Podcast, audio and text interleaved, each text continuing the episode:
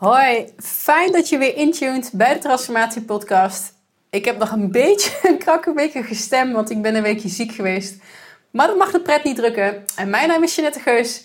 En ik neem je elke week mee op pad naar interessante ontmoetingen. Mensen die gespecialiseerd zijn in allerlei onderwerpen rondom groei en persoonlijke ontwikkeling. En dat kunnen thema's zijn zoals mindset, focus, ego, liefde, relaties, geluk, maar ook business, productiviteit, financiën, noem het maar op. Basically alles uh, om onze minuutjes op deze planeet zo uh, waardevol en aangenaam mogelijk te besteden. En ik voel me vereerd dat je het komende uur anderhalf met mij en mijn gast van deze week, Johan van Bavel, door wil brengen. Uh, Johan is eigenaar van een opleidingsinstituut voor life coaches. En hij was ook al eerder in de podcast te gast, anderhalf jaar geleden. En dan kreeg ik toen heel veel toffe reacties op. Mensen die hem ook echt meerdere keren luisterden, aantekeningen maakten, mij gingen appen. En uh, Johan heeft mij een bepaalde formule eigenlijk uh, geleerd die ik nog steeds uh, toepas. En dat is intentie plus actie is resultaat. Um, ja, en wat nou als je niet de resultaten hebt die je graag wil? Want we weten allemaal wel, oh ja, ik moet de juiste acties doen. Maar betekent dat dan dat mijn intentie niet goed is? Of dat het niet voor mij weggelegd is? Of ja, geen idee eigenlijk. Nou, dit uh, bespreek ik met Johan deze week onder andere. En uh, het gaf mij weer een aantal nieuwe inzichten en eye-openers. Um, blijf trouwens zeker ook even hangen tot het eind van het gesprek. Want na deze aflevering met Johan deel ik een link voor een uh, masterclass waarde van 59 euro die ik gratis weg mag geven. En met die masterclass kan jij zelf aan de slag. Um, om de brug te slaan tussen, goh, ik sta nu hier, ik wil graag daar naartoe. Wat het ook is waar jij naartoe wil. Of je meer rust wil, of een hogere omzet, of een betere vitaliteit, of een andere baan. Ik weet natuurlijk niet uh, wat voor jou succes is. Ik weet wel hoe het is om elke keer weer een doel te stellen of een ambitie te hebben die dan weer uitgesteld wordt. Of gewoon dat het te druk is of andere verplichtingen. Uh, of je oude patronen die steeds weer terug naar boven komen en niet lukt. Of ja, en dat gebeurde dan bij mij veel, dat stemmetje dat dan zegt van ja, het lukt toch niet, je bent het niet waard, laat maar, fuck it. uh, om daarmee aan de slag te gaan. En uh, zoals ik al zei, speciaal voor luisteraars van deze podcast biedt 12 Waves dat gratis aan. Uh, wie is 12 Waves? Dat is het bedrijf van mij en Michel Vos. En we geven masterclass en trainingen uh, bij bedrijven. En die inkomsten stellen mij in staat om deze podcast gratis en zonder verdere sponsoren ook wekelijks uit te brengen. Nou, draag je mij een warm hart toe? Vind je dit een toffe podcast? breng ons dan eens onder de aandacht bij jouw werkgever. Je kan dat doen door bijvoorbeeld het linkje door te sturen waar je ons aanbod vindt. En dat linkje is www.12-waves.academy. Dat vind je in de show notes, dus in de omschrijving bij deze podcast. Um, wat ook kan, als je dan toch in die omschrijving uh, bent en daarop klikt. Uh, heel vaak mensen die ik spreek, gasten die raden me boeken aan of die hebben toffe tips of uh, een soort van favoriete boeken die ze ook anderen aanraden. En ik schrijf die altijd op. Ik neem die mee in de show notes. En ik maak daar linkjes van. Um, ook omdat ik het zelf leuk vind. Maar dat zijn affiliate linkjes voor bol.com. Um, ehm, waardoor ik dus een paar cent of een euro krijg als jij die boeken vervolgens bestelt. Dus dat is ook iets wat je kan doen. Wat denk ik ook wel leuk is om te melden. misschien moet ik dat vaker doen is ook even alvast een voorproefje van gasten die ik nog in de line-up voor je heb staan. Uh, dus die um, ik al heb geïnterviewd of nog ga interviewen. Volgende week is dat Jan Bommeré, de expert die alles weet over uh, transformatie en flow, maar ook loslaten en think and grow rich. Ik heb Eva Brouwer over het pakken van je podium. Heel erg benieuwd naar dat gesprek. Uh, Isabel Jensen van de Poly podcast over, ja, inderdaad, polyamorie. Maar ook iets heel anders de Tiny House Consultant van Nederland, namelijk uh, Marjolein Jonker, komt in de podcast. Wil je dat niet missen? Klik dan gewoon op subscribe in je podcast-app of abonneer je op de maandelijkse nieuwsbrief. Ook die link staat in de omschrijving. Um, meer van dat soort abonnementen, maar ook 5 sterren ratings helpt mij ontzettend om het bereik van deze podcast te vergroten, hoger in de rankings te komen. En daarmee ook meer eh, interessante en high-profile mensen uit te nodigen. Zodat jij, want daar draait het allemaal om, daar ook weer van kan meegenieten. Over genieten gesproken, geniet van dit gesprek met Johan. Ik hoop dat het jou net zoveel inzicht en inspiratie geeft als dat ik eruit heb gehaald. En tot volgende week.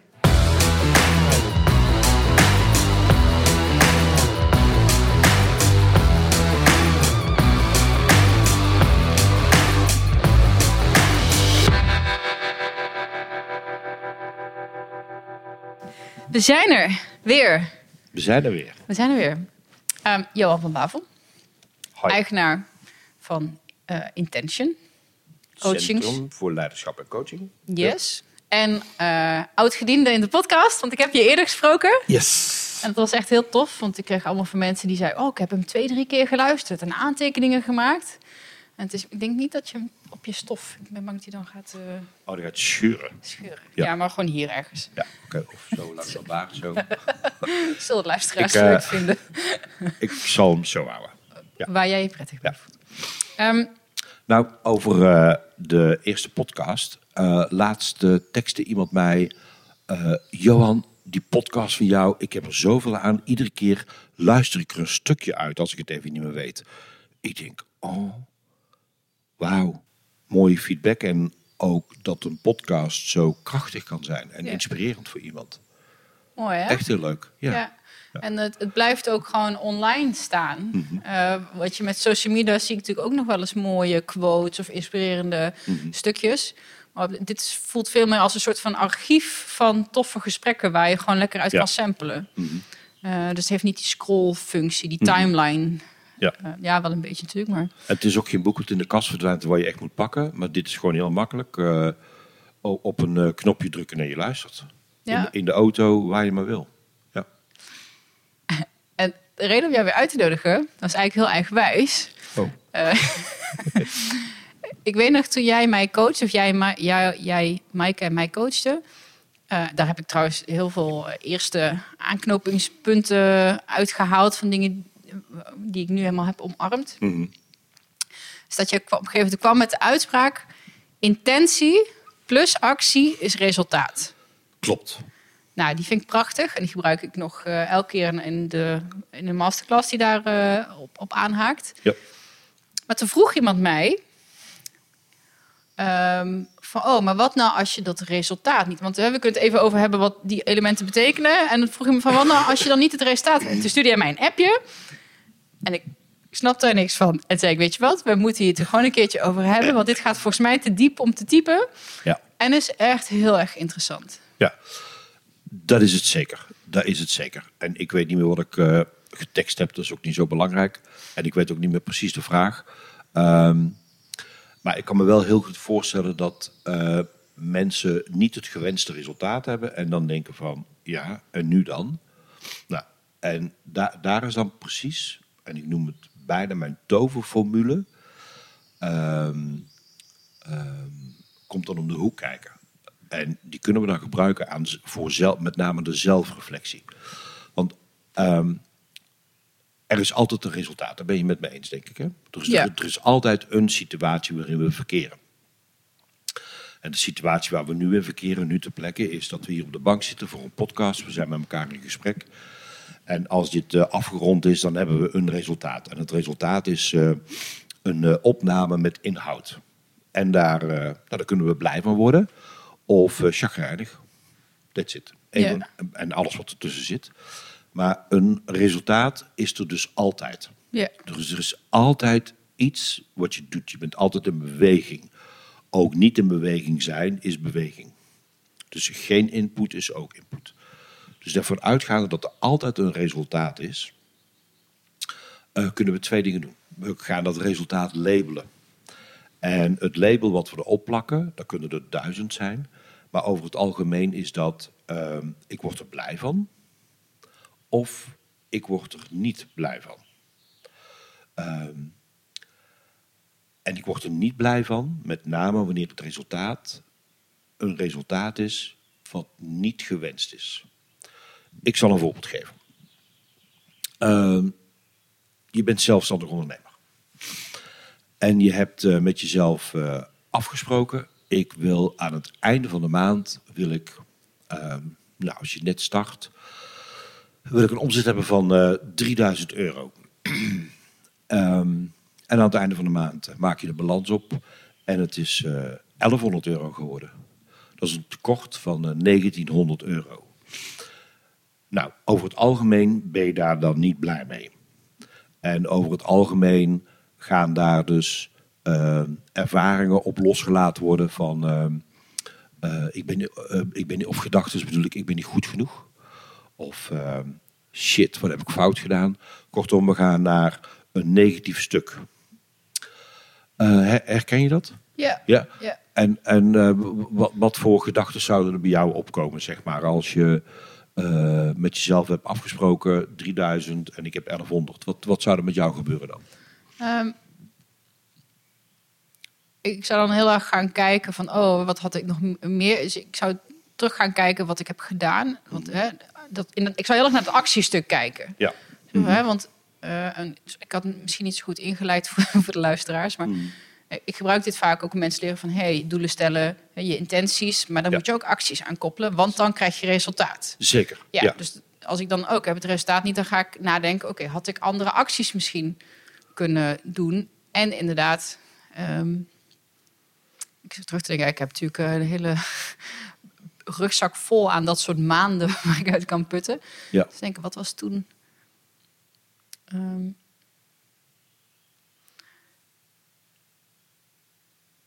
je wilt natuurlijk heel erg iets aanwijzen wat het dan is. Wat heb ik verkeerd gedaan? Wat kan er beter? Ik weet dat ik, toen ik daar echt in zat, vond ik het ook heel erg, was het ook heel verleidelijk om naar anderen te wijzen. Zo van, oh, je hebt niet goed bijgedragen aan mijn resultaat. Of, eh, of de opdrachtgevers die niet snel genoeg eh, over de brug komen.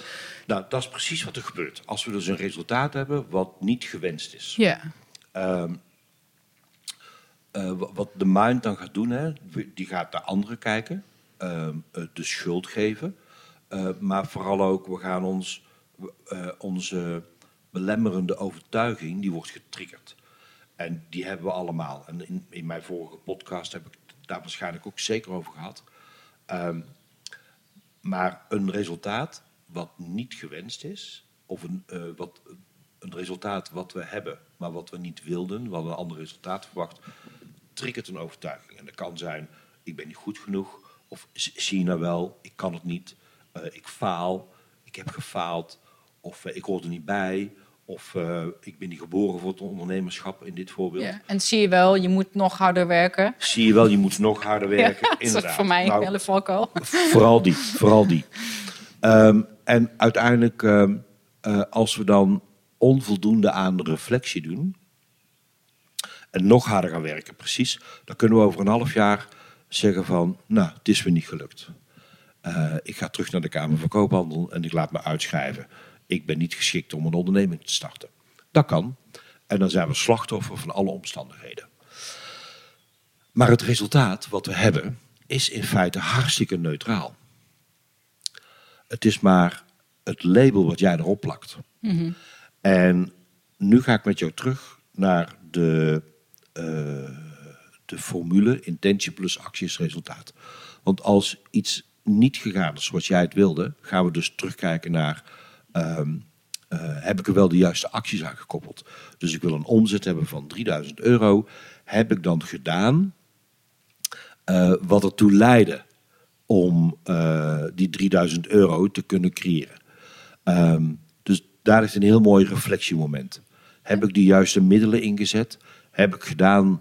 ehm, dus stel je voor, ik wil de staatsloterij kopen of winnen. Nou, dan zal ik op zijn minst een lot moeten kopen. Ja. Nou, als jij een omzet wil hebben van 3000 euro, zul je op zijn minst eh, naar klanten toe moeten. Je zult op zijn minst je producten moeten verkopen. Dus daar, dat zit hem dan in de actie. Heb ik het juiste gedaan? Ja, en ma- mag ik daar iets aan toe eh, Zeker. voegen? Want ik weet, daar hebben wij natuurlijk heel, met Lofit Food ook echt oef, heel lang aan besteed.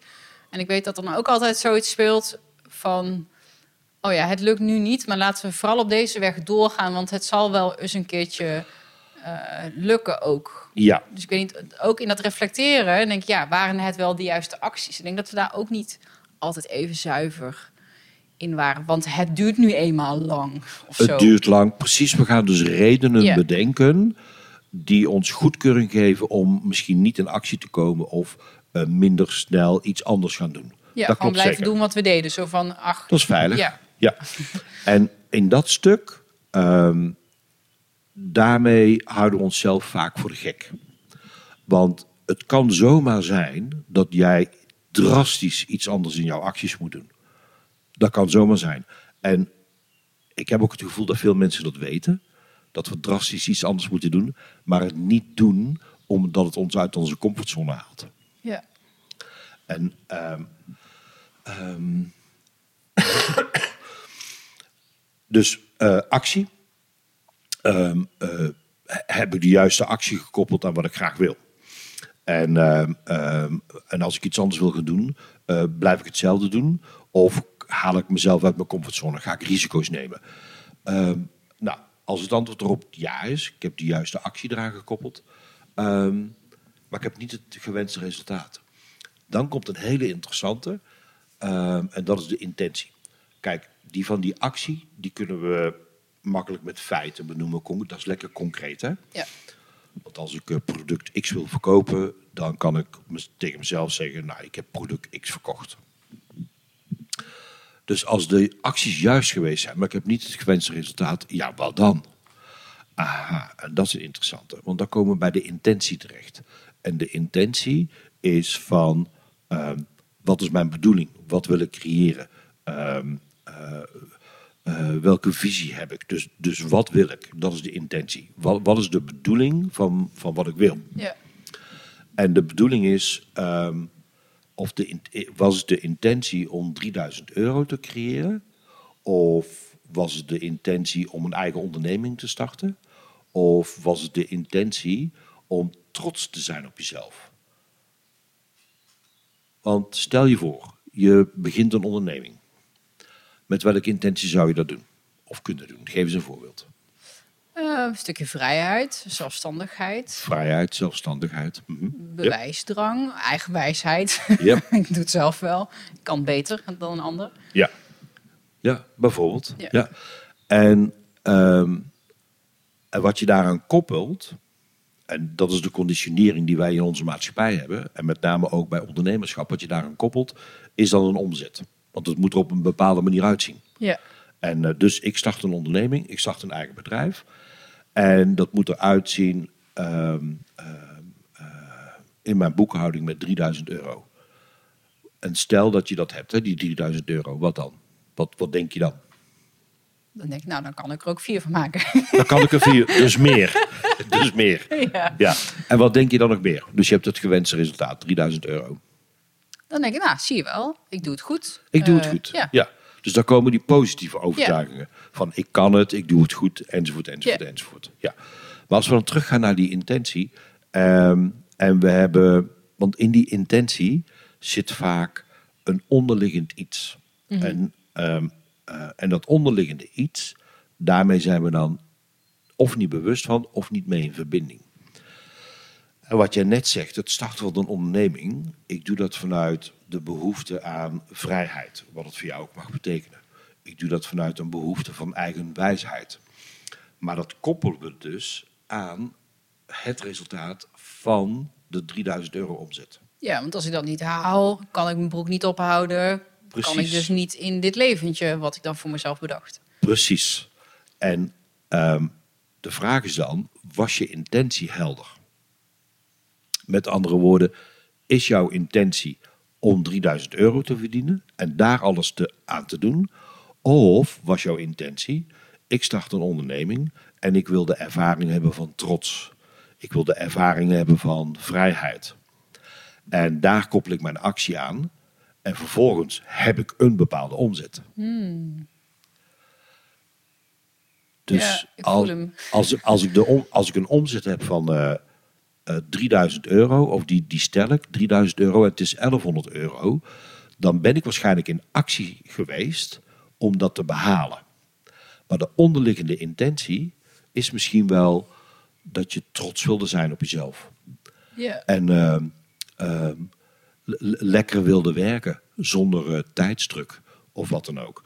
Dus dan is de intentie is een andere dan dat je werkelijk dacht. Volg je mij nog? Ja, ja, ja, nee, zeker. Het is best wel, uh, ik kan me voorstellen dat het wel heel erg confronterend is om dit voor jezelf toe te geven. Van Bijzonder. Bij, ja. Bijzonder confronterend. Want trots en vrij zijn, dat kan uh, voor 0 euro. Precies, ja. Alleen we leven nou eenmaal in een geconditioneerde maatschappij... Ja. waarin we uh, onze trots en vrijheid gaan koppelen aan geld. Ja. Dus aan een omzet. Dus ik ben pas succesvol als ik 3000 euro verdiend heb. En dat is een uitspraak uh, of een overtuiging die we allemaal herkennen. Dus dat we het succes of onze, uh, wie we zijn, identificeren aan de omzet. Terwijl de drijfveer, de daadwerkelijke onderliggende en misschien onbewuste intentie voor het starten van een onderneming, wellicht is uh, trots of een, of een verschil willen maken. Misschien wel altruïsme. Ja. Iets betekenen voor een ander. Maar dat we met z'n allen vinden dat daar een bedrag aan gekoppeld moet worden. Uh, dus hoe mooi zou het zijn? En we moeten geld verdienen, zeker. Want zo hebben we nou eenmaal de maatschappij ingericht. Maar hoe mooi zou het zijn dat we inderdaad onszelf een doel stellen van 3000 euro. En vervolgens uh, is het 1100 euro. En dat we denken, nou, ik heb er de juiste acties aan gekoppeld. Uh, en tegelijkertijd, en mijn intentie de afgelopen maand was vooral om veel plezier te hebben. Mm. En het resultaat daarvan is dat ik 1100 euro omzet heb in plaats van 3000. Dus 1900 euro tekort. But I'm fine. Want afgelopen tijd was het hebben van plezier meer mijn intentie dan de omzet. Ja. En daar is een stukje bewustzijn. Ja.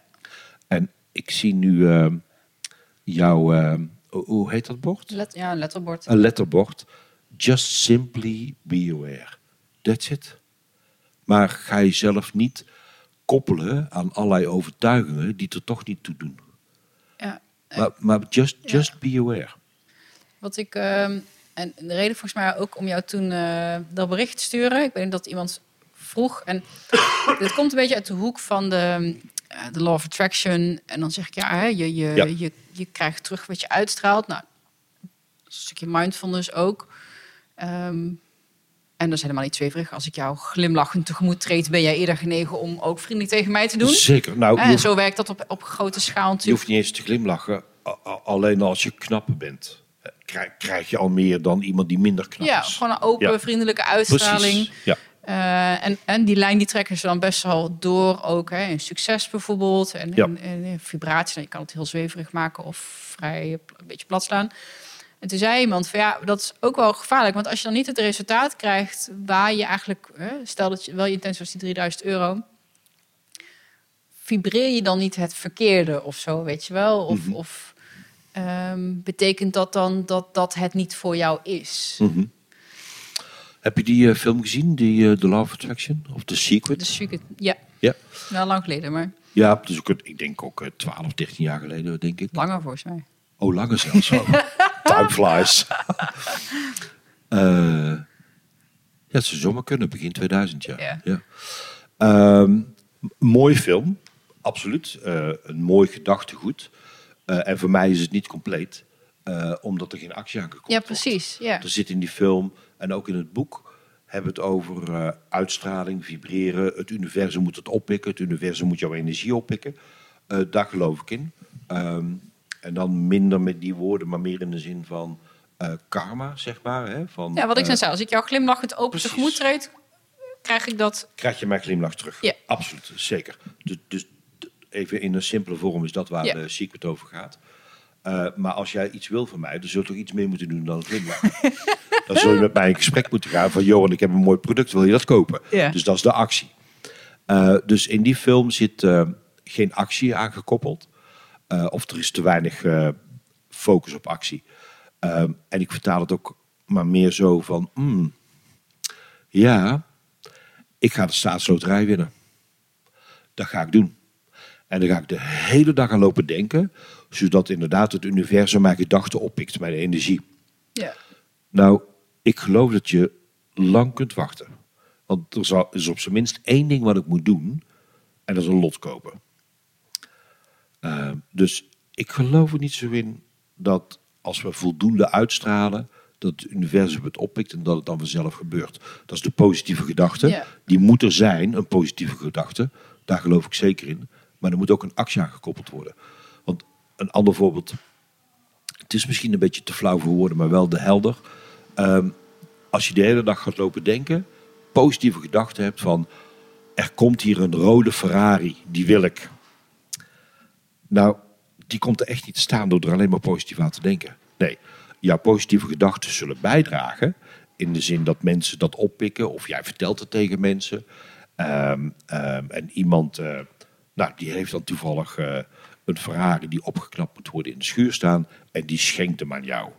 Maar de acties die daaraan zitten, of die eraan gekoppeld worden aan jouw positieve gedachten, is dat jij in communicatie bent gegaan. Ja. En dat heeft verteld tegen iedereen. Dus de secret en de positieve vibes, ja, moet er zeker zijn. Maar het is voor mij onlosmakelijk gekoppeld aan actie. Ah, actie. En dat is nog een ander perspectief wat ik er nog wel in wil gooien. Het komt er mij ook over dat dan het universum iets is wat buiten ons is. Mhm. Terwijl uh, wij zijn alles. Mhm. Dat klinkt heel raar. Maar ik denk... Voor mij niet toch? Ja, maar ik ben één Ja. met... En ik, ik ben net zo goed, het hele universum zit in mij. Ja. Dus, en dat voelt ook, oh, iets wat ik buiten mij moet zoeken, halen. Terwijl het feitelijk allemaal in mij zit. Ja, eens. Wij samen, jij, ik, wij zijn het universum. Ja. In ieder geval een onderdeel Je ervan. moet, je moet het maar eens proberen tegen me te zeggen. Ja, want dat betekent ook dat je kan zeggen, ik ben God. Ja, Dan ben ik ook. ja, ik ook. ik ben ook God. Ja. En ik heet toevallig Johannes, de doper. En Jeannette is afgeleid van Johannes. Ah, ik heb het ooit opgezocht. eh, Oké. Helemaal verbasterd. eh. Zien we wel dat we één zijn. ja. Maar als je dat zomaar... Ik, ik zei het laatst tegen iemand. hoe- dit- En dan, je wordt wel een beetje aan, hoezo ben jij God, weet je wel? Dat is niet, Ja. denk ik, ja, maar ik ben God, jij bent God. Wij zijn het universum, de energie, alles. Ja. Ja, dan, hebben we het over, dan, dan zitten we op het gebied van taal hè, en hoe iemand dat letterlijk neemt. Ja. Want bij het woordje God heeft, eh, ehm, he- hebben mensen eh, de associatie met eh, die, die man die eh, het heelal geschapen heeft en de wereld op, eh, Op een wolkje zit met een eh drietand. Precies. En, de Bijbel heeft geschreven, in ieder geval, in ieder geval nou ja, dat, men, men heeft daar een beeld bij. Maar God betekent voor mij energie. ja. En ehm, tenminste, dat is, dat is de invulling die ik eraan geef. En voor de luisteraars onder ons die vrij rationeel ingesteld zijn. ehm, mijn gedachtegoed komt vooral voort uit de kwantumfysica. Eh, want alles is energie. En als je eh, de kwantumfysica, eh, de modules, of de modules, de moleculen, onze DNA-structuur, molecules, enzovoort, enzovoort, enzovoort. Als je daar eens induikt, dan zul je inderdaad zien dat wetenschappelijk bewezen is dat alles één is. En alles met elkaar in verbinding staat. Nou, vanuit, vanuit die wetenschap, als we dat spiritueel doortrekken, dan kunnen we inderdaad stellen dat we met z'n allen één zijn. En dat alles wat ik doe, vanuit een intentie, dus invloed heeft, energetisch, op jou. Eh, als jij in de buurt bent, of eh, nou, je hoeft niet eens in de buurt te zijn, maar alles vanuit het gedachtegoed, eh, alles is één. We zijn met z'n allen één energie, heeft dus ook alles invloed op elkaar. Dus de intentie is daar wel heel belangrijk in. Dus jij kunt mijn intentie ook voelen. Ja. kunt mijn intentie ook bijna zien. Ja. Ja. Ja, en, ik, ehm, en dan nog steeds, als je dan niet, als je denkt dat je intentie goed is en eh, dan gaan we even uit dat je, je de juiste acties eraan koppelt, hè, dat je dan niet het resultaat krijgt wat je graag wilt. Hoe kan je dan, eh, nou stel je komt daar een intentie tegen of een beperkende overtuiging in, in dat stuk. Maar ik, ik wilde hem eigenlijk anders formuleren, maar ik ben hem even. eh, Nou, om even terug te komen op die intentie. Hè. Ehm,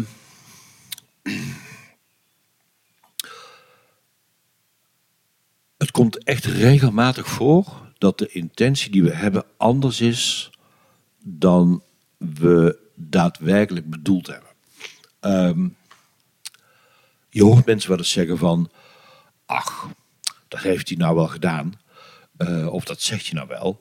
Maar eigenlijk wil hij of zij gewoon aandacht hebben. Dus dat we eh, een onderneming starten. eh, en we willen 3000 euro omzet hebben. Maar de onderliggende intentie of de onbewuste intentie is van iemand wil gezien worden. Iemand wil aandacht hebben. En dat we vanuit, en daar zijn we ons vaak niet bewust van, maar dat we vanuit die behoefte ehm, een intentie neerzetten eh, om bijvoorbeeld in dit geval een onderneming te starten en een eerste omzet te hebben van 3000 euro. Dat kan, dat is mooi, dat moeten we vooral ook blijven doen. Maar we moeten ons ook bewust zijn, en daar ligt de confrontatie. Doe ik dit omdat ik gezien wil worden? Of doe ik dit om aandacht te krijgen? Of doe ik dit vanuit een stuk eh, invulling op mijn zelfwaardering? Nu weet ik denk hoe ik hem wilde vragen. Stel dan dat, dat, dat je het dan niet krijgt wat je wilde. Kan je dat dan ook interpreteren als zie je wel, dit is niet voor mij? Of zie je wel, eh, ik moet dit niet. eh, zie je wel, dit is mijn pad niet. Dit is een, een teken van het universum dat ik niet het juiste aan het doen ben. Invulling kun je eraan geven, maar dan kom je alleen maar achter als je bereid bent om te kijken wat jouw werkelijke intentie is geweest. Want dan heeft het niks te maken met acties. Heeft het ook niks te maken met resultaat. Dan is het resultaat is op dat moment informatie voor jou waar je wel of niet iets mee kunt. Je kunt flink gelopen balen, of je kunt inderdaad teruggaan naar je intentie van, hmm, ik heb niet gered, of ik heb niet gedaan, of ik heb niet het resultaat wat ik wilde. Hmm, wilde ik het echt wel? En dat is een vraag, wilde ik het echt wel, is een vraag eh, die jou direct leidt naar jouw intentie. Ja. Wilde ik dit echt wel? En dat is een hele goede vraag. Dat is een hele goede vraag. En het is e- even te gemakkelijk van, eh, oh, het is, niet, eh, het is niet het juiste moment of het komt niet op mijn pad. Ehm, Ja, precies. Weet je wel? dat vind ik even te gemakkelijk, zeg maar. Hè? Ja. Want dat, is meer een excuus om er verder niks meer mee te doen. Ehm, en en dat, dat is ook prima als je daarvoor kiest. Ik bedoel, niet goed of fout. Maar van, eh, nou, het is niet het juiste moment. Nou, dat is het nooit. Eh, en dat is een manier, zeg maar, om... eh, nou, oké, dit was het. I move on. En dat kan ook een manier zijn om ermee door, om mee te dealen. Maar ik denk dat het veel krachtiger is om van, eh, naar de intentie te gaan van... Was dit nou werkelijk wat ik wilde? Of eh, wilde ik iets anders, maar durfde ik niet? Ja. Of ehm, ehm, moet ik mezelf eerst uit, mo- moet ik misschien een andere jas aantrekken voordat ik er echt mee aan de slag kan? Wat, wat- mag er anders zijn in mij? Of ehm, eh, welke behoefte eh, word ik me nu bewust van? Waar ik niet eerder bewust van werd. En ik denk dat een van de basisbehoeftes die mensen hebben is gezien worden. En de, de manifestatie daarvan kan zich natuurlijk manifesteren op duizenden en gebieden. Ehm, en dat kan zijn eh, het schrijven van een boek. Dat kan zijn ehm, eh, een onderneming starten. Dat kan zijn een, een relatie creëren. Ook dat. Dus de manifestatie, eh, die kan er op duizend manieren uitzien. Maar de intentie is vaak onderliggend dat mensen gezien willen worden. Ja. Gewaardeerd willen worden, gezien. Ja. Ja. Ja, ik weet dat eh, in januari of zo heb ik eh, heel bewust, als het gaat over omzet, ehm, denk ik, ja, ik wil dat bedrijf kunnen blijven doen, zeg maar. Dan zal ik dus, dat kan niet zonder omzet. Eh, en toen ben ik wel heel kritisch naar mijn acties gaan kijken en ook echt gewoon met mezelf de afspraak gemaakt. Ik ga elke dag iets aan business development doen Mhm. elke dag. En Ja. dat is gewoon wel heel, heel eerlijk en kritisch naar die acties kijken. Want ik had ook duizenden en andere dingen kunnen doen... die ook heel dringend zijn en die ook heel waardevol... en waar ik heel blij van word. Ja. En ik kan mijn dag indelen zoals ik dat wil. Maar dat stukje, dat was een beetje uit mijn comfortzone. En sindsdien eh, gaat het voor de wind. Maar Ja. het was wel even in dat actiestuk... daar dan toch wel een keertje naar kijken. Van, Ja. goh, Du- dus je hebt focus aangebracht in jouw acties. ja, Ja. ja. En ehm, eh, wat ook, nou, die, die beperkende overtuiging, die intenties, hè, je zei, er komen vaak ook wel beperkende overtuigingen mee naar boven. Bijvoorbeeld, ik ben het niet, eh, zie je wel, ik ben het niet waard. Of eh, zie je wel, ik ben te dom. Of het is me niet gegund. Wie zit er op mij te wachten? Ja, hoe, hoe ga je daar dan? Want die kunnen ook wel ruis op de intentiezender veroorzaken, volgens mij. Zeker, Of de boel absoluut. onderuit halen, de poten eronder, eronderuit Ja. zagen. Ja, nou die overtuigingen die komen pas aan het einde. Hè? die overtuigingen die komen aan het einde wanneer we een resultaat hebben wat niet gewenst is. Ja. Want die belemmerende overtuiging die komt niet als jij jouw omzet gehaald hebt. Dan ontstaat er een positieve overtuiging. Ja. Ah, ik heb 3000 euro afgesproken en ik heb 3000 euro. Wat ben ik toch goed? Zie je nou wel dat ik het kan? Weet je wat echt heel grappig is? Ik, had, ik zou nooit van mezelf zeggen dat ik goed ben in sales. Eh, dat is een paar keer tegen me gezegd. En ik merk het ook. Ik ben een goede netwerker. Ik vind het leuk om te connecten, met mensen te spreken. En gewoon te zien, kansen te kunnen zien.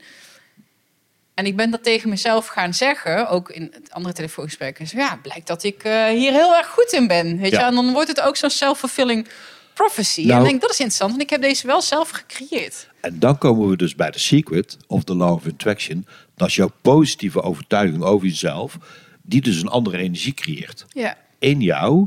En die andere energie, die positieve energie, wordt dus weer opgepakt door andere mensen. Ja. Dus je komt in een energie van positiviteit terecht en in een, in een energie van positieve mensen. Die jou dus zien en voelen. ja, En dat kun je zo laten, maar je moet wel een actie koppelen. ja. En dat doe jij. En dat kan je ook met je vitaliteit doen. Van, oh, ik zie wel, ik ben gewoon iemand die het leuk vindt om te trainen. Ik ben Ja. iemand die het leuk vindt om eh, lekker te koken voor mezelf. Dus daar, ehm, Ja, maar hoe vaak, en dat zul je vast herkennen, en dat geldt voor iedereen, we zijn zo geneigd om tegen onszelf te zeggen dat we iets niet kunnen. Maar zodra we erachter komen dat, dat we iets wel kunnen, we take it for granted. ja, We benoemen, het, we benoemen het niet, ehm, of zelden. We gaan het vooral niet wereldkundig maken. Eh, want heb je wel eens een post gezien op eh, social media waar iemand zegt: Ik ben geweldig, ik ben fantastisch. Kijk eens, jongens. Nee, dat, dat is niet wat we doen. Nou, dat heb ik gisteren nog gedaan. Nee. Dat zijn uitzonderingen. ja, nee, maar Ehm, maar we zijn zo geneigd om te kijken naar wat er niet is. Ehm, ehm, en, en dan ontstaan die belemmerende overtuigingen. Absoluut. En eh, die kunnen we dan weer herleiden. Of die kunnen we dan laten liggen bij, de, bij het resultaat. Van het is wat het is. Maar dan gaan we wel terug naar onze intentie. En naar de actie. Heb ik de juiste acties gedaan? Met andere woorden, de staatsloterij, als ik die wil winnen. Ding dong. No worries.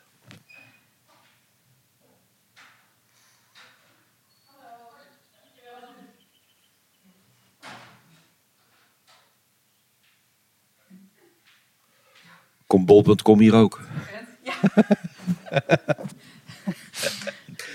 zo. Ja, eh, waar waren we? Bij, de, bij de, de belemmerende overtuiging, die laten we bij het resultaat. Het Ja, is wat het hoe is. doe je dat? Hoe zorg je ervoor dat dat niet een, een continue zender in je hoofd wordt die Dat is, een kwestie zet? van, dat is echt een kwestie van trainen. Je, je hersenen trainen.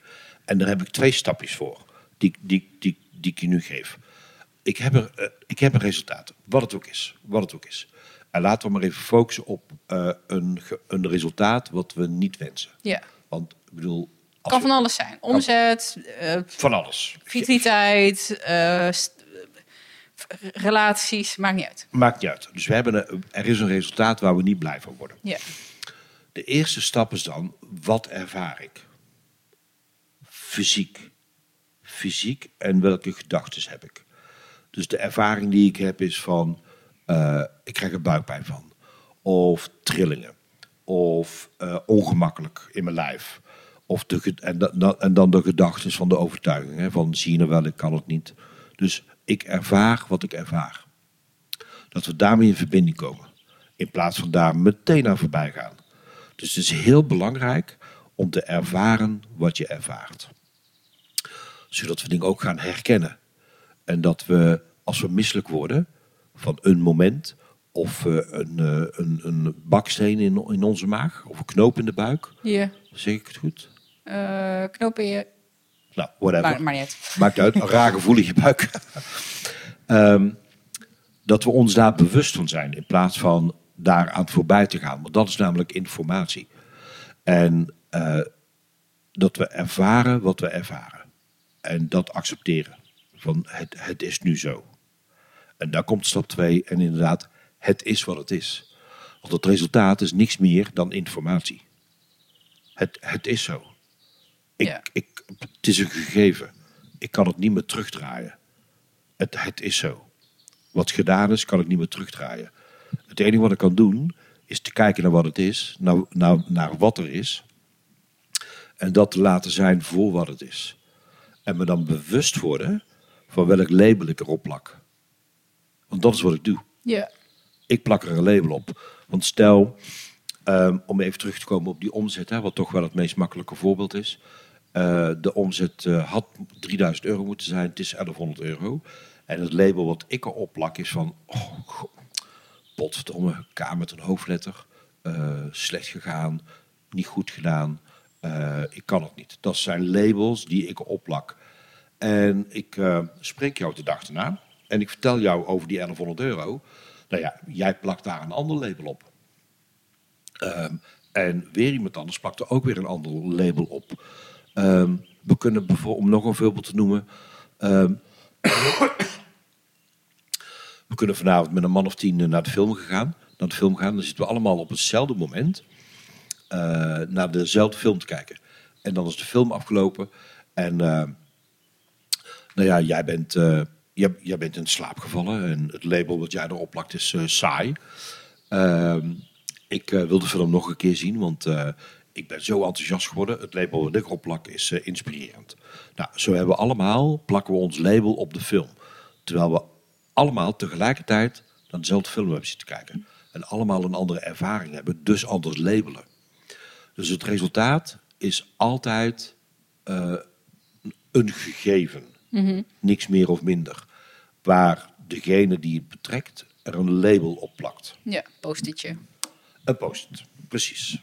Ehm, en er zijn tegenwoordig ook duizend eh, kleuren en vormen van. Dus we gaan labelen. Ehm, en dat is het moment na dat label, als je dat gedaan hebt. Dus ik ervaar wat ik ervaar. Ik eh, krijg een raar gevoel in mijn buik. En ik, heb de, de en ik ervaar de gedachte dat ik niet goed genoeg ben. Maar het is wat het is. En ik label het als fout. Dat is het label wat ik erop plak. Dat is het moment om terug te, even afstand te nemen, afstand van de situatie, te reflecteren naar je intentie en je actie. En daar ligt het leren en de groei en dat je het de volgende keer dus anders doet. Nou, en dit is trainen, want jou- jouw vraag was van hoe kan ik dat stoppen? Nou, niet. Je kunt het niet stoppen, zo werkt het brein nu eenmaal. Maar wat je wel kunt doen, is jezelf trainen in die stapjes. Van ik ervaar wat ik ervaar. Het is wat het is. Dit is het label wat ik erop plak. En dan naar de intentie plus actie en resultaat gaan. Dus dat is een, een, een reflectiemoment waarin je jezelf kunt trainen. Zodat je niet gepakt wordt door de moed waarin je terecht Ja. komt. Ja, en die, dat tijd nemen voor die reflectie, ik denk dat daar ook gewoon een gigantische sleutel zit. Want wie doet dat eigenlijk e- echt? Dat je echt zegt, niet een schimmige gedachte, ik ben niet goed genoeg, zie je wel, maar echt even gaan zitten, het uitschrijven desnoods of met iemand bespreken. Ja. Nou, je slaat spijker op zijn kop. Eh, twee momenten die ik aan wil halen. Eén, daar straks, eh, voordat we aan deze podcast begonnen, hadden we het over wasting my time. Ehm, nou, dat zijn prachtige momenten waarin je niet eens met jezelf afspreekt, ik ga nu reflecteren, maar nee, even niks, even geen plannen en ik doe gewoon even helemaal niks. Nou, dat zijn de momenten dat je je gedachten gaat ordenen. Daar hoef je Ja. niet eens met jezelf af te spreken, dat gebeurt gewoon. Dus dat zijn mooie reflectiemomenten. Eh, en inderdaad, eh, we staan s ochtends op om half acht, springen in die douche, koffie en we gaan naar ons werk of wat je ook gaat doen. En vervolgens komen we thuis, ook druk, spitsuur, kinderen, tv kijken. In het weekend prop ook nog van alles. Dus we zijn constant in een, eh, in een do-modus. Ehm, en daarom is coaching, en dat is mijn werk, is ook zo'n krachtig instrument. Want een coach stelt vragen die jou bij wijze van dwingen tot reflectie. Ja. En dat zijn niet hele bijzondere vragen, of maar het feit dat iemand ze stelt en je tijd koopt, Precies, Aandacht inderdaad. koopt. Yes. betaalt voor aandacht. Ja, en Jij betaalt voor jouw eigen focus. Ja, en dat jij jezelf een uurtje gunt Ja, ja. om jezelf eh, bloot te stellen aan iemand die je vertrouwt en jou overlaat met vragen. Ja. Die ertoe doen, die vragen. ja. Nou, dus in, in, in wasting my time en in coaching, dat zijn prachtige reflectiemomenten. Waar we veel te weinig tijd voor nemen. Veel te weinig. We gaan maar door, door, door. Ja? Toen je het net um, het praat was over het is wat het is. Heel toevallig gisteren een gesprek zitten luisteren met uh, Byron Katie. Ah. Uh, ja, ik, ik, ben al onwijs uh, fan van haar, hm. maar... Dat is toch van de, de vier vragen? Ja, ja. ja The Work. Oh ja, The Work, ja. ja. Um, ik heb nooit werk... Dat boek ligt al volgens mij al 15 jaar in mijn kast, geloof ik. Nou ja, ik, ik, vind, ik vind het heel leuk om naar haar te luisteren ook. En ze is nu volgens mij ergens eind 70 al inmiddels. Ah, ja. uh, en er is een heel recent interview met uh, Russell Brand. En wat ik daar heel sterk in vond, dat ik uh, precies van oké, het is heel moeilijk omdat je, je, ziet je, als je iets bewust, bewuster wordt, de eerste fase is dat je jezelf meer dingen ziet doen, ziet labelen, ziet afdwalen. En eerst als denk je, oh, het wordt erger. Maar het is gewoon omdat je er meer bewust van wordt. En ik vond het heel mooi hoe ze het uitlegde.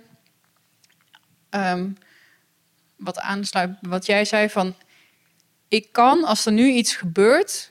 of hè, ik heb dat resultaat... wat er dan gebeurt is dat ik een beeld in mijn hoofd heb... van mijn future self... Mhm. waar het niet goed mee gaat. Mm Want zie je wel, ik kan het niet. En als het zo door blijft gaan, mijn, ja. dromen... Al, allerlei doemscenario's ja, komen op. Ja, Je bent, dat zijn die negatieve gedachten. En dat zetten we af tegen een past zelf. Degene met al die hoopvolle wensen. Oh, en ik wil eh, dit voor mezelf bereiken. En die twee, die zorgen dus voor lijden eigenlijk. Want er is een groot verschil tussen wat ik wilde en wat ik denk dat de toekomst gaat zijn. Yep. En ze zegt, ja, maar je bent ook hier nu. En hier nu is er eigenlijk niks aan de hand. en die drie, en ze zegt, ja, maar je, bent, je kan niet drie levens leiden. Je hebt alleen maar... En toen dacht ik, en dat kan je tot en in het interview is een heel extreem voorbeeld over misbruik. Yep. Hij zegt, zelfs in, in die momenten uh, werd mijn lijden gecreëerd door de angst voor wat er met me ging gebeuren. Maar je kan het ook met de tandarts. Ik ben banger voor wat er gaat komen, voor pijn die mogelijk gaat komen, dan wat er in het moment eigenlijk echt daadwerkelijk. Dat kan ook pijnlijk zijn. Ja. Maar het zijn de, de vooruitlopende angstgedachten en de terugkijkende, oh, maar het had zo leuk moeten zijn. Ja. En, denk nou, en beide, wat, wat mooi dat je dit zo inbrengt, past en future, zijn te elimineren. Dus die pijn is te elimineren door die eerste twee stappen die waar ik het net over had. Ja, dan had je terug naar hier. Precies, want de stap van ik ervaar wat ik ervaar is alleen maar nu. Ja. Wat ervaar ik nu? Daarom is het ook zo belangrijk om te connecten, te verbinden, te voelen. Wat zegt mijn lijf? Heb ik er hoofdpijn van gekregen? Of buikpijn? Of uh, welke tinteling of welke sensatie dan ook in mijn lijf. Dus ik ervaar wat ik ervaar, brengt mij naar het nu. Eh, dat is het enige wat ik heb. Ja. En de vraag, of de, de, de tweede stelling, uh, stap van, en het is wat het is. Het is zo. Ja. In elke situatie. En om even terug te komen op dat extreme voorbeeld van misbruik. Het is zo. Het is een gegeven dat ik misbruikt ben. Maar dat hoeft niet te betekenen dat ik vanaf nu de rest van mijn leven die pijn moet ervaren. Ja. En in dat gesprek hebben ze het ook over verslaving. Uh, en ook niet terug willen vallen. en uh, je, je kan de situatie niet veranderen, wel jouw relatie tot die situatie. Zeker. Want in die relatie tot wat er is gebeurd zit de pijn of de angst of de yes, onzekerheid. Yes, absoluut. En, uh, en daardoor of daarmee het veranderen van die relatie een geweldig hulpmiddel. En soms zeg ik wel eens tegen mijn coaches, of doen we dat in de coaching, dan pakken we echt een post-it en gaan we het labelen. Ja, echt? Echt labelen. van oké, we hebben hier uh, een centimeter, een pakje van een centimeter post-its. Dat betekent dat er misschien wel 50 op zitten. Dus je hebt 50 keer de mogelijkheid om de situatie te labelen. Ja. En uh, dat doen we dan op tafel. En dan nemen we afstand. En dan uh, gaan we kiezen. Nou, we, nou, we hebben nooit 50 gehaald, want het zijn er altijd een stuk of 6, 7, zeg maar. Maximaal 10. En dan gaan we er de eerste eruit halen. Nee, dit wil ik niet. Dus we gaan, en dan gaan we er eentje kiezen die dus werkt richting de toekomst. Echt. Volg ik even niet. Wat zeg je? Nou, een post-it. We gaan dus een, een, een, eh, een label gaan we kiezen wat we erop willen plakken. Dus het geeft zoveel ruimte en kracht, precies wat je zegt, ik ben in staat als mens, niet om de situatie te veranderen, want die is zo, maar om de relatie met die situatie aan te gaan. En de relatie begint met het label wat we erop plakken. Ja. En als, als coach is het heel fijn, een heel mooi instrument om met je coachie eh, samen, misschien op een speelse manier, in ieder geval lichtheid, allerlei labels erop te plakken. Tot een stuk of tien. En dan gaan we afstand nemen. En nou, welke labels liggen er nu allemaal? Welke post-it plaatjes? En eh, sommige labels worden er meteen uitgehaald van, nou, dat ga ik echt niet doen. Ik ga echt niet zeggen dat het stom is. Of ga echt niet zeggen, eh, ga niet het label opplakken dat het hartstikke liefdevol is. Want dat is namelijk helemaal niet zo. Maar dan komt in ieder geval komt er een label uit. Een, eh, eh, iets wat we ervan vinden. En vanuit dat label gaan we dus de relatie met de situatie creëren. Ah. Ja, ja, ja. ja. Dus het is een, ik heb het nu over Ja, een coach, ja. coaching tool, zeg maar. Het, het grappig hoe het allemaal samenkomt ook weer. Want je wees net op een boek van eh, Jan Bommeré. Ik mag niet zeggen Bommeres. Ik maar- zeg altijd bommeres. Ja, dat zei ik dus ook. Maar ik heb hem geïnterviewd afgelopen zaterdag. Maar hij, het is dus bommeré. Ja, ik Ja. begon dus. Nou, Jan, je je Bommeres. En je hij zei, oh nee, Bommeré. Met een grote glimlach weliswaar hoor. Ik heb hem gesproken, ja. Afgelopen zaterdag? Ja, Oh, ik dacht dat hij... eh, hij gaat stoppen. Ja, Ja. terug naar Amerika, toch? Ja, hij is nu de laatste keer in Nederland nog een ronde aan eh, workshops. Aha, oké. Ik vind het wel erg leuk, want ehm, ehm, jij, volgens mij via jou kwam ik op dat boek Kun je een rups leren vliegen? Nou, Ja, het gaat over transformatie. dat is mijn bijbeltje, dat boek. Ja, Ja. dus ik dacht, nou, de transformatie podcast, daar moet de transformatieauteur Jan, die moet daar natuurlijk in. Dus die had ik al anderhalf jaar eh, heel hoog staan op mijn wensenlijstje. Het is je gelukt. Ja, ik heb. Hm. en ik heb ook zijn beide workshops gedaan. Dus hij heeft eh, moeiteloos leren leven. En Ja. daar zit eigenlijk een beetje de, de Napoleon Hill Think and Grow Ja. Rich. En loslaten zeker. Ja, en Ja. ik heb dus zondag ook loslaten gedaan. Hoe vond Nou, je die?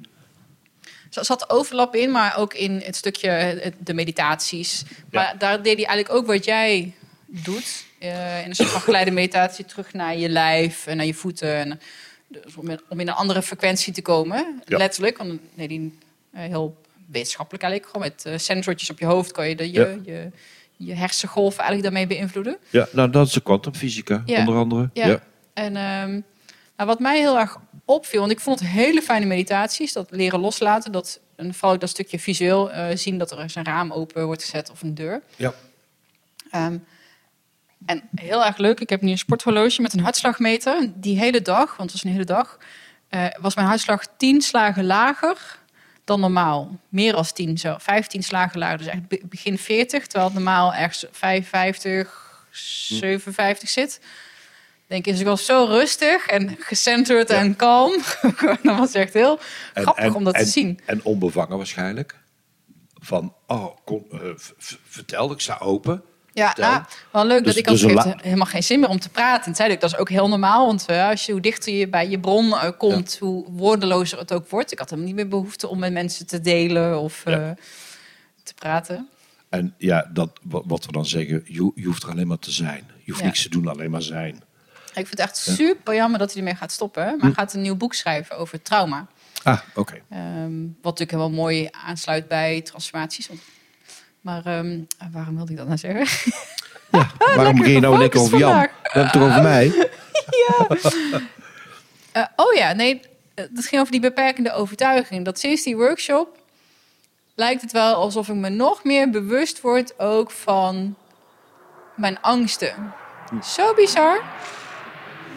Ehm, het voelt een beetje van, oh, ik weet al, ik ben super zelfverzekerd. Het, het maakt me echt niet uit dat mensen van me denken. Maar ik merk dat de personen die heel dicht bij mij staan... en ik had die dag daarna, hadden we een dag gewoon met z'n tweeën, met mijn vriend weer... En denk, jeetje, ik ben me de hele tijd zorgen aan het maken over of ik het niet fout doe.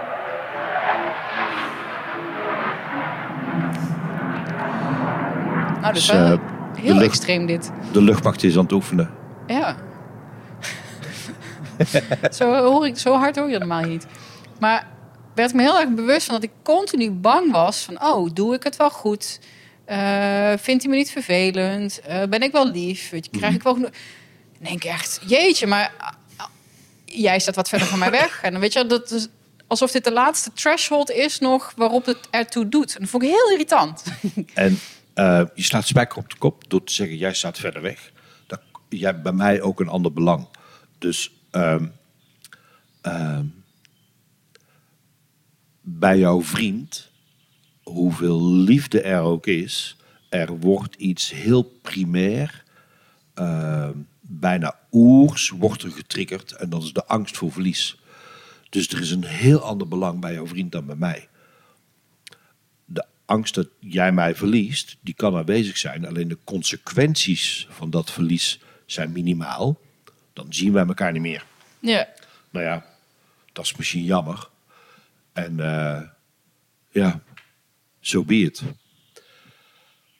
Maar als je jouw vriend verliest en de consequenties daarvan, is alsof de wereld verdwijnt. Ja, maar, maar toch is het dat niet. En ik heb er wel echt, ik lag in mijn hangmatje hier, eh, wasting my time, ook Ja. nog eventjes Ja, die meditaties in mijn hoofd nog ook herhalen en ook eh, mediteren. Was heel waardevol. Ik denk, ik ben bang voor, het, voor een oordeel. Mhm. Een negatief, een negatief oordeel. ja, en waarom is dan de angst van jouw vriend zijn oordeel eh, groter dan van mij? Of van ehm, eh, een willekeurig ander iemand? Oh, ik denk omdat ik in mijn opvoeding te vaak negatief, negatief beoordeeld ben. Dus dat, dat, als ik, dat systemisch domein, zeg maar, dat zijn gewoon Ja. patroontjes die bij mij aangaan. En die gaan alleen maar aan op het moment dat je er echt toe doet. ja. En Terwijl het stomme is, hij zegt ook van ja, maar ik hou superveel van jou. Dus waarom in hemelsnaam? Ik ben juist de enige persoon waarover je niet hoeft te twijfelen over of ik je wel leuk vind of niet. Ja. Maar je zegt het. eh, eh, wie het ertoe doet. Of bij wie het ertoe doet. ja. Dus dan heb, dat, dat heeft te maken met belang. Dus eh, om, om jouw woorden anders te vertalen. eh, welke waarde koppel je eraan? Dus de waarde die je koppelt aan de uitspraken van jouw vriend. is vele malen groter dan de waarde die koppelt aan mijn uitspraak over jou. Of oordeel. Ja, wat dan raar is, en toch weet ik ook, en, dan ben ik, en dat, zo sta ik er echt in. Denk, nou, en als dit het dan niet is, nou dan. eh, ik ben niet bang om dat te verliezen. Dus da, dat, Ja, dat dus je- maakt het zo. Dan denk ik, ja, nee, als dit het niet is, dat betekent dat er iets veel leukers is. Ik ben, ik ben er heel optimistisch in, in, Ja. in, in, de- in dat kader. Zo van, nou, dan komt er iets anders veel leukers nog voorbij. Nou, Ja. laten we maar lekker plek maken dan daarvoor. En, en blijf lekker optimistisch. blijf, dat vooral. Maar wat triggert het dan wel bij jou? Als het niet de angst voor verlies is, wat is het dan wel? Ik denk dat het heel erg inhaakt op de grootste beperkende overtuiging. Van, oh, ik ben niet goed genoeg. En waar is die ontstaan? Dat, dat zijn de oordelen die ik als kind over me heb. Ik heb een- Precies. Ja, Ja. en dat weet ik. Maar dan denk ik, oh, ik vind, maar juist omdat je dan nog meer bewust wordt van die nog diepere laag, lijkt het wel alsof het meer aanwezig is. Eh, dat is ook zo. Dat is ook zo. En eh, gisteren toevallig eh, eh, zei ik tegen een, een con-collega. Een raar woord is dat eigenlijk, hè? con-collega. Een collega. Ja. Zei ik ehm, ehm, dat hoe bewuster we ons worden, ehm, betekent niet dat het leven makkelijker wordt. Echt niet. Het leven wordt er niet makkelijker op. Maar wel duizend keer mooier. Ja. ja, want dat haalt ook terug in hè? Na, reflecteren op je intenties en je acties. Dan kom je misschien ook wel erachter van, oh, maar ergens staat er continu een frequentie aan die continu denkt dat ik het niet goed doe. Denk, Ja. En dan vraag ik me ook af, is het dan iets wat in ons allemaal zit? Dat wij zo gevoelig zijn voor dat soort signalen? Of zijn bepaalde mensen onder ons daar ontvankelijker voor? Dat hebben we nu ook wel geleerd in, in ook Ja. Mhm. met de trainingen te geven. De psychologie van het eten is er ook zoiets in. Mensen herkennen zich erin of nou, Ja. heb ik echt totaal geen last van. Ik denk, hè? Heb jij nooit een stemmetje wat zegt fuck it? Ja. Ik zeg nee, nooit. Ik denk, Ja. En denk om, Ah, denk, die- hebben we dan allemaal ook onbewust dat Ik- die gevoeligheid of niet? Ja, ja, en ik wil het geen gevoeligheid noemen. En dan kom ik weer terug op jouw bord. Letterbord, just simply be aware. En zo simpel is het niet. Het is veel simpeler om niet bewust te zijn. Dat is namelijk makkelijk. Het is heel makkelijk en heel fijn en heel comfortabel om niet bewust te zijn. En dan heb ik het niet over het eh, oppervlakkige bewustzijn. Hè. Natuurlijk zijn we ons bewust van, oh, mijn maag knocht, dus eh, het is beter nu dat ik ga eten. Ik heb het niet over dat bewustzijn. Maar ik heb het over het bewustzijn op een dieper liggend niveau. Het bewustzijn, ehm, het voorbeeld wat jij aangeeft van een stemmetje in mijn hoofd. Dat hebben we allemaal. We hebben allemaal een stemmetje in ons hoofd dat ons probeert te behoeden van de fouten die we eventueel zouden kunnen maken. En ik ben me daar bijzonder bewust van. Op een dusdanig niveau dat ik zelfs een vriendschap heb gesloten met dat stemmetje in mijn hoofd. Jij bent jezelf er bewust van. Maar ik denk dat 80% van de mensen hier op aarde zich daar niet bewust van zijn. Ja, ik zie die, en daar werd ik dus bewust van. Ik zie die future self al in een interactie met een persoon. Die, Ja. hè, dus ik zie iemand boos op me worden of iets zeggen of Mhm. iets van mij denken. Of ik, die future self, waarbij een keten, die zie ik al in, in allerlei rampscenario's. Nou, niet, niet eens rampscenario's, gewoon opmerkingen, dingetjes. Die voelt zich onprettig. Ja, dat is raar, want hier nu in het moment is er eigenlijk helemaal niks om onprettig over te voelen. Nee. En dat, die kan daar niet bij blijven of zo. maar toch is het aanwezig. En het zal ook altijd zo blijven. En hoe bewuster ik me word, hoe, ehm, ehm, hoe makkelijker het mij gaat lukken om daarmee te dealen. Ehm, en dat is wat ik bedoel te zeggen. Eh, ik- het wordt me, ik kan er makkelijker mee dealen, maar het leven wordt er niet makkelijker op. Ja. Het leven wordt er echt niet makkelijker op. En ehm, eh, je, je, het, het, het werk wat wij doen, hè, eh, ons vak, om het zo maar te noemen. Als ik daar één woord aan zou mogen geven, is dat eh, bewustzijn. Ehm, dus daar zijn we dagelijks mee bezig. En zo ontdek ik steeds meer, tot op de dag van vandaag, eh, waar ik me niet bewust van was. En dat kan confronterend zijn, eh, of juist heel plezant, plezierig. En alles wat ertussen zit. Ehm, ik, ik leef, zo noem ik dat. Ehm, en dit is wat mijn werk met zich meebrengt. Maar voor hetzelfde geld ehm, was ik eh, eh, medewerker aan een lopende band bij een fabriek. En deed ik mijn ding. En ehm eh, s ochtends zeven uur opstaan, half acht naar het werk. Half vijf thuis, eten, tv kijken, naar bed. Dus in zo'n ritme terechtkomen. Wat, wat er heel comfortabel uitziet. En wat ik soms wel eens aan denk. Oh, ik, zou, ik zou dat best willen zo. Weet Ik je? kan het wel voor mezelf creëren, maar dan zonder de lopende band. Precies. Ehm, en daarmee wil ik niet zeggen dat mensen die aan de lopende band werken, dat, dat die zich niet bewust zijn. Maar je zit dan in zo'n bepaald ritme, wat je gewoon een heel werkzaam leven vol kan houden. En dat je op een gegeven moment denkt, en tegen je kleinkinderen vertelt, als je met pensioen gaat van, nou, ja, mijn leven is eigenlijk aan mij voorbij gegaan. Dat kan. En dat is prima. Daar is niks mis mee. Ehm, maar ik vraag me dan wel af of je bewust bent van hoe je je leven hebt geleefd en wat er uit te halen viel.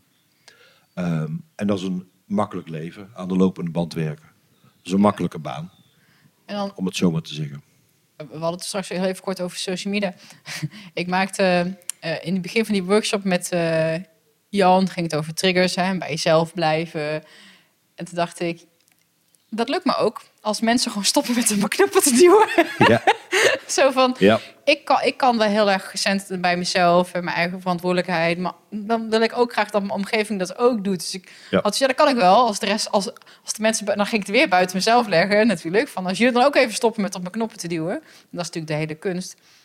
Maar ik merk van eigenlijk heb ik veel meer behoefte dus aan ehm, geen tijd, geen interactie, geen prikkels, gewoon rust.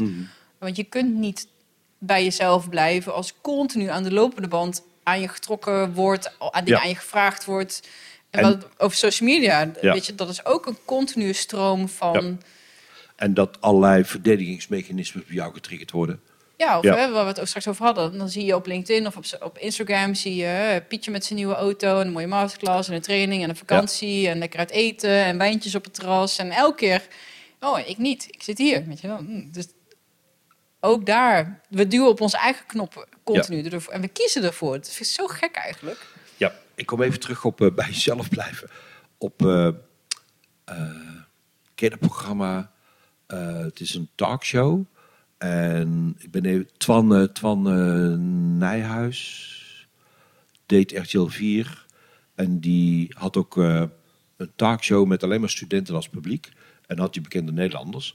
En een van de laatste keren had hij Anouk, een van mijn Oh. favoriete zangeressen. En ehm, toen vroeg hij aan het einde van het interview, vroeg hij van... Anouk, heb jij nog een, een advies voor mensen die de muziekwereld in willen gaan? Nou, zegt ze, eh, je hoort altijd van eh, dat mensen zeggen van eh, je moet vooral jezelf blijven. Nou, dat is gewoon bullshit, zegt ze. Want wie is nou zelf?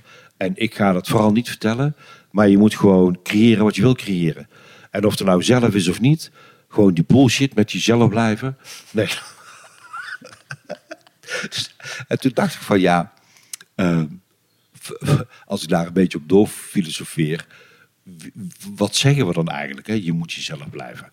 Eh, wie is zelf eigenlijk dan? Dus eh daar moest ik even aan denken, aan Anouk. Ja, ja, ja. ja. Ben je ook fan van haar? Eh, ja, ja, ik vond haar vroeger wel... eh, ik- ja, ze is gewoon een, rock- een stoere chick. Ja, En dat precies. bewonder ik eh, Ja. heel erg aan haar. Ze doet gewoon lekker haar eigen ding. Ja. Ze, is le- ze, is- ze is lekker zichzelf. Ja. ja. Dat is wel een beetje een diepzinnige vraag. Wie zijn we dan? Nou, precies. Ik weet niet of dat past. Is misschien de derde podcast. Ehm, maar inderdaad, wie, wie, wie is dan zelf? En eh, hoe heet die andere, zangeres? Nou, eh, een van de bekende... Treintje. Treintje. Eh, de vader van Treintje heeft een hele mooie tekst geschreven. En ehm, eh, zij heeft daar een, mooi muzieknummer van gemaakt. En ik, ik ga niet zingen nou hoor. Dat doe ik je niet aan. Maar wat zij zegt, een, s- een deel van de tekst is van... Als jij mij kent, wie ben ik dan? En als ik mezelf ken, wie ben ik dan? Met andere woorden, ehm, wie is zelf? Ik, ik heb van mezelf geen idee. Geen idee. En ook dat stuk wordt alleen maar lastiger. Hoe meer ik bewust word, hoe minder ik van mezelf kom te weten. Ja, je, als- maar je, dus je wordt wat ego... Het ego wordt kleiner. Eh, Want wat is e- een ego? Is eigenlijk... Dat die hele stapel aan post-its... ja, is eigenlijk is alles wat ik denk dat ik ben, doe, gedaan heb, wat, wat ik, al mijn wensen, verlangens, ervaringen, alles bij elkaar, dat is ego. En hoe meer Ja. je dus eigenlijk, hoe minder labeltjes, hoe minder postertjes dus je, je je afpelt, blijft er wat minder, een kleinere stapel postertjes over en dus ook minder zelf Ja. of zo. Nou ja, ehm, en ik, ik ga nu even een kwantumsprong maken. Ehm, mijn, eh, eh, een van mijn mentorcoaches is eh, Jeff Cosby, is een Amerikaan. Ehm, en die heeft een, die heeft een training ontwikkeld. Die, die, die draait al tig jaar. En ik was zijn co-trainer. Ehm, ik geloof dat ik dat programma iets van twintig keer gedaan heb met hem. En ehm, aan het einde van de driedaagse training eh, kwamen we, of, of brachten we in dat eh, we niemand zijn. En dus geen ego, geen zelf. Maar dat we are eh, nothing, empty and meaningless. Dan gaat het ego meteen, "Ah!" Hoezo ben ik niks? En hoezo ben ik betekenisloos? rond jij eens even op. Ja, precies. Inderdaad, fuck you. En dat op, nou, is dit wat we meekrijgen aan het einde van, de van drie dagen? You're nothing, empty and Maar dat is meaningless. wat de boeddhisten ook zeggen. Precies. Ja, inderdaad. En we, we zijn dus niets. Met andere woorden, ehm, er zijn geen, we, zijn geen, we zijn los van alle post-its. Ja. Ehm, we, we zijn leeg. En we zijn betekenisloos. Ehm, maar dat komt, de betekenis die we geven aan zelf, is wat het ego doet.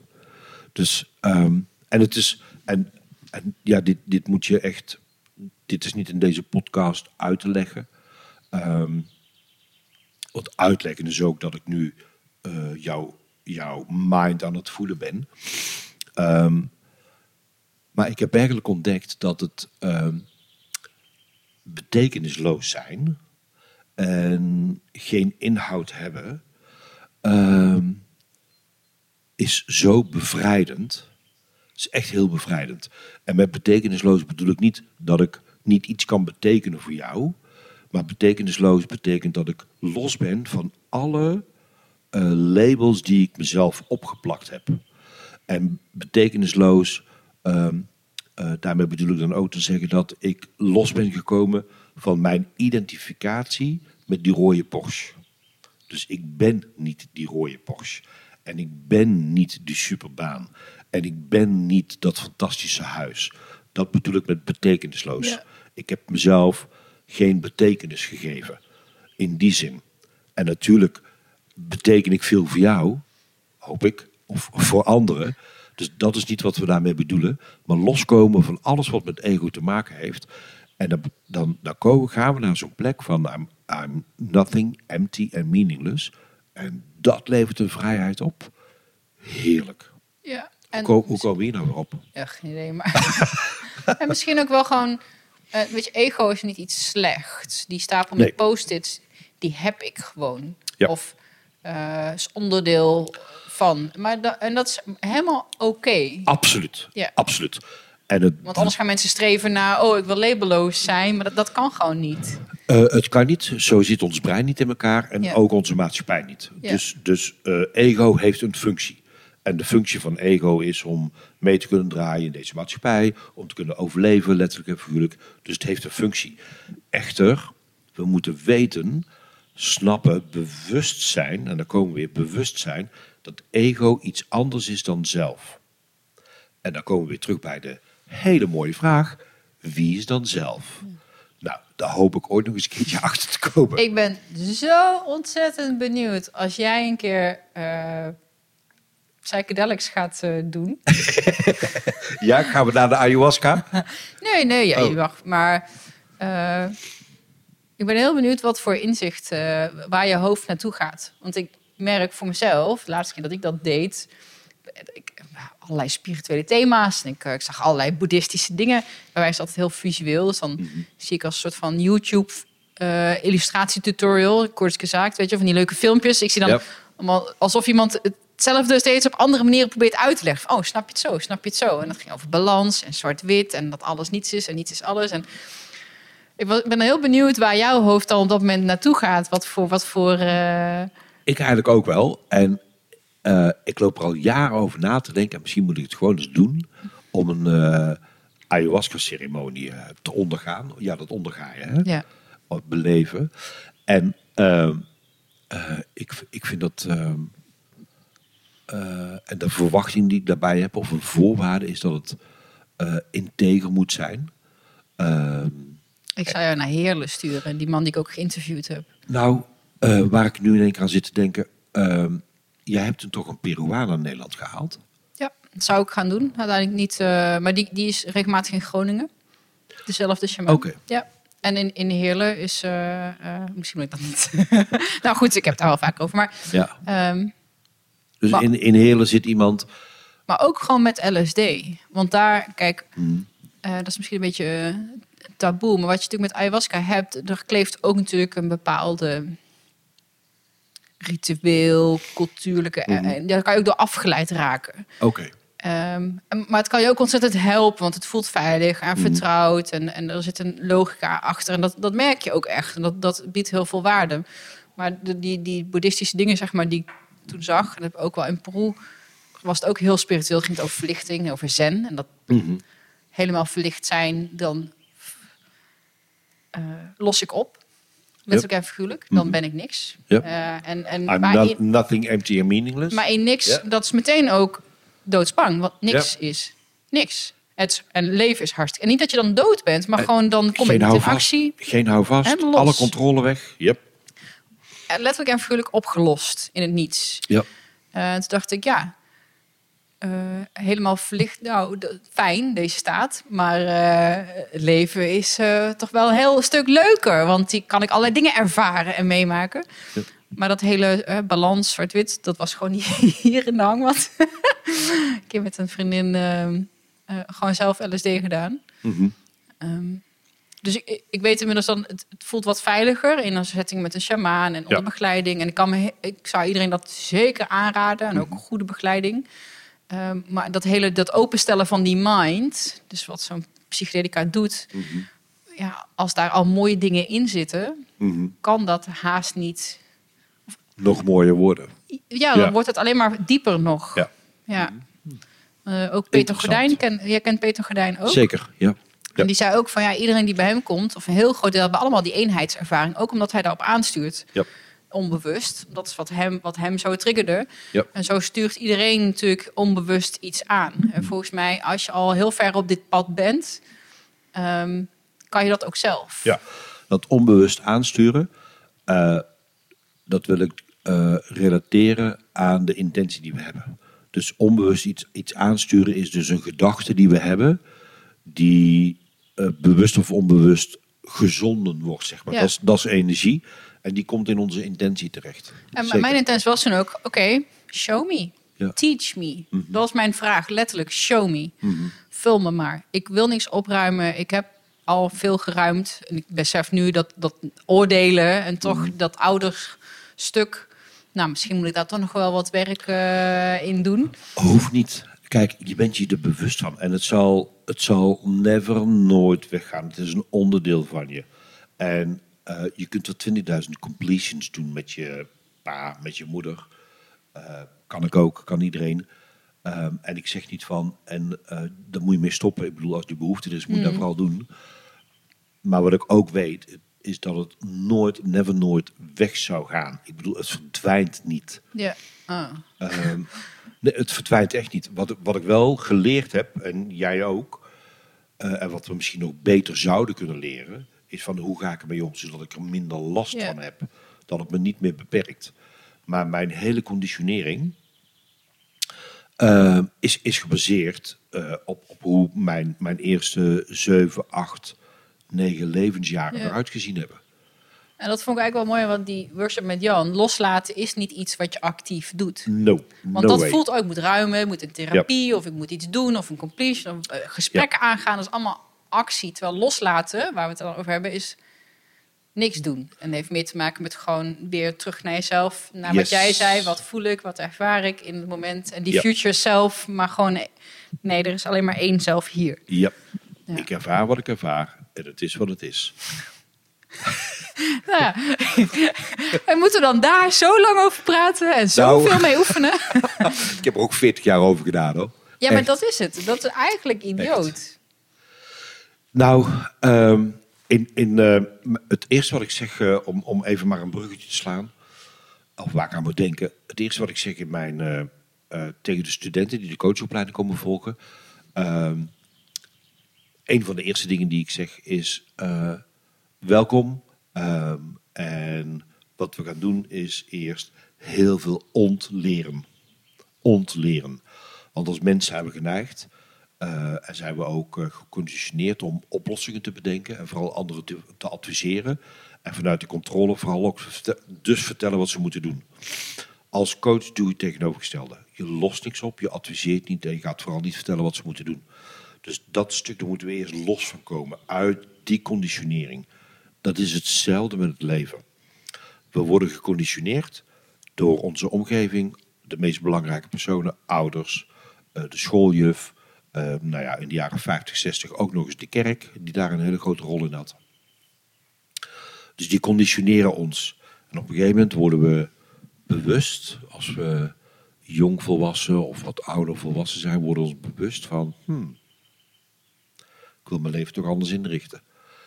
En voordat je dat kunt doen, zul je eerst heel veel moeten ontleren en loskomen van de conditionering die je hebt gehad. Ehm,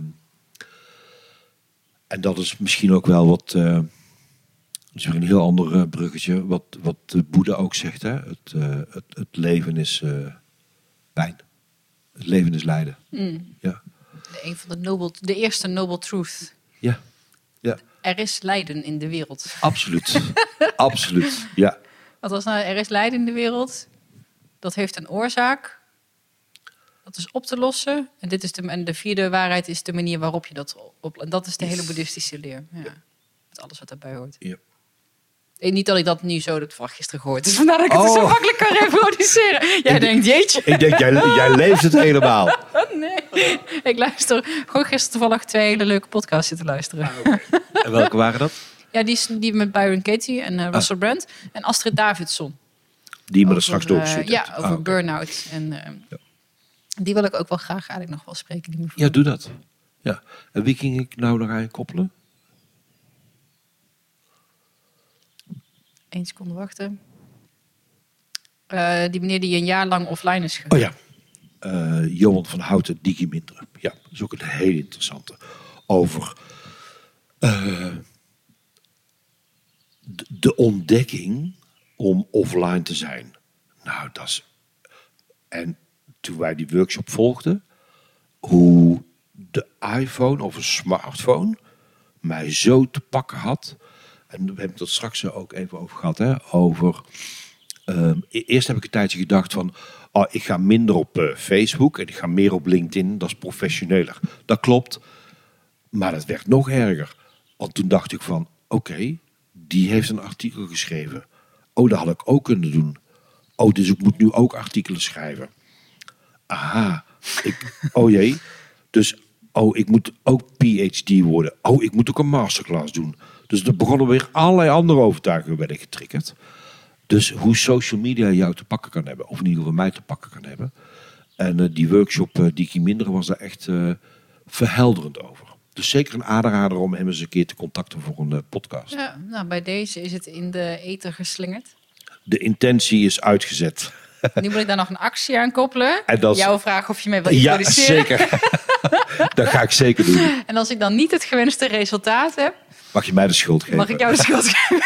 ik denk dat het de perfecte samenvatting is van dit gesprek. Ja, helemaal goed. Maar jij bent toch betekenisloos en niet zelf. I'm dus nothing empty and meaningless. Dus het dwars door jou glijdt zo van je ja. af. En, en daarnaast ook nog eens bulletproof. Dus uh, laten we komen.